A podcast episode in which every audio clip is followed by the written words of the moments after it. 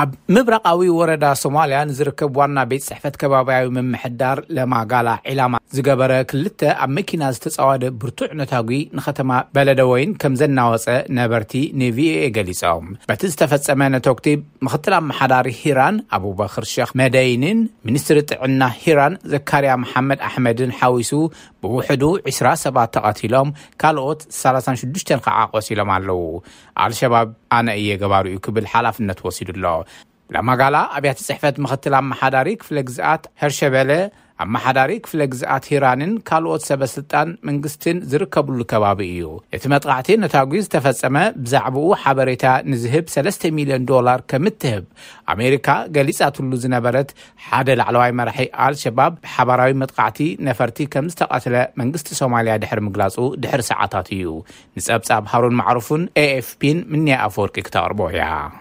ከተማ በለደዊን ካብ መቓደሾ ኣስታት 337 ኪሎ ሜትር ርሒቓ ትርከብን ኣብ ቀረባ ከኣ ማእኸልቲ ኣንጻር ጉጅለ እስላማዊ ሚሊሽያ ኣልሸባብ ዝግበር ማሕበረሰባዊ ክተት እያ ኮይና ዘላ። ኣመሓዳሪ ክፍለ ግዝኣት ሂራን ዓሊ ጀያት ዖስማን ሓዊሱ ሰበ ስልጣን ከባቢ ኣብ ጎኒ'ቲ ካብ ኣልሸባብ ሓያሎ ቁሸታት መንዚዑ ዘሎ ሓይሊ መንግስቲ ኮይኖም ዝዋግኡ ዘለዉ ሓይልታት ማሕበረሰብ ይመርሑ ኣለዉ።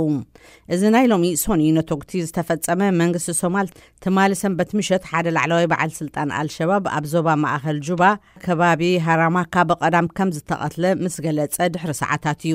በቲ ዝተፈጸመ ሰለስተ ነቶጉቲ ምክትል ኣመሓዳሪ ሂራን ኣቡበከር ሸኽ መደየንን ሚኒስተር ጥዕና ሂራን ዘካርያ መሓመድ ኣሕመድን ሓዊሱ ብውሕዱ ዕስራ ሰባት ተቐቲሎም ካልኦት ሰላሳን ሽዱሽተን ከኣ ቆሲሎም ኣለዉ።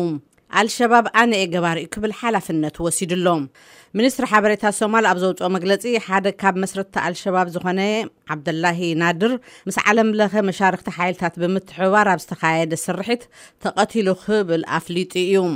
ናይ ዩናይትድ ስቴትስ ወተሃደራዊ እዚ ኣፍሪቃ ማለት ኣፍሪኮም ሎሚ ኣብ ዘውፅኦ መግለፂ ከዓ ነቲ ንበዓል ስልጣን ኣልሸባብ ዝቐተለ መጥቃዕቲ ኣየር ምስ መንግስቲ ሶማል ብምትሕብባር ከም ዝፈፀሞ ኣፍሊጡ ኣሎ ኣብ ልዕሊ ሰላማውያን ሰባት ግን ዝወረደ ጉድኣት ከም ዘየለውን ጠቒሱ ኣሎ ዓብደላሂ ያሪ ብዝብል ዝፍለጥ ዓብደላሂ ናዲር ኣብ ውሽጢ ኣልሸባብ ዝተፈላለየ ሓያለ ስልጣናት ዝነበሮን ምስቲ ኣብ መስከረም ክልተ ሽሕን ዓሰርተ ኣርባዕተን ዓመተ ምህረት ብመጥቃዕቲ ነፋሪት ኣሜሪካ ዝተቐትለ መራሒ ኣልሸባብ ዝነበረ ኣሕመድ ኣብዲ ጎዳንን ናይ ሕጂ ኣሚር ኣሕመድ ዑመር ኣቡ ኡባዳያህን ዝቐረበ መሻርኽቲ እዩ ነይሩ።